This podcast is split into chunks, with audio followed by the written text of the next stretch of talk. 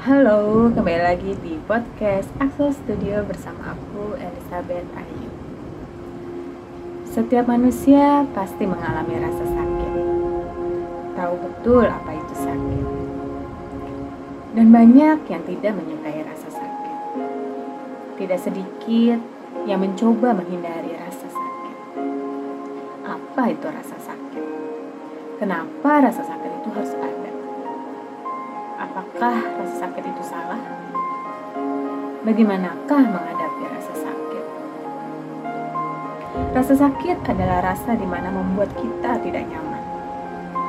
Rasa sakit itu harus ada untuk menyatakan sesuatu hal yang membuat kita nyaman atau tidak. Rasa sakit itu tidak salah.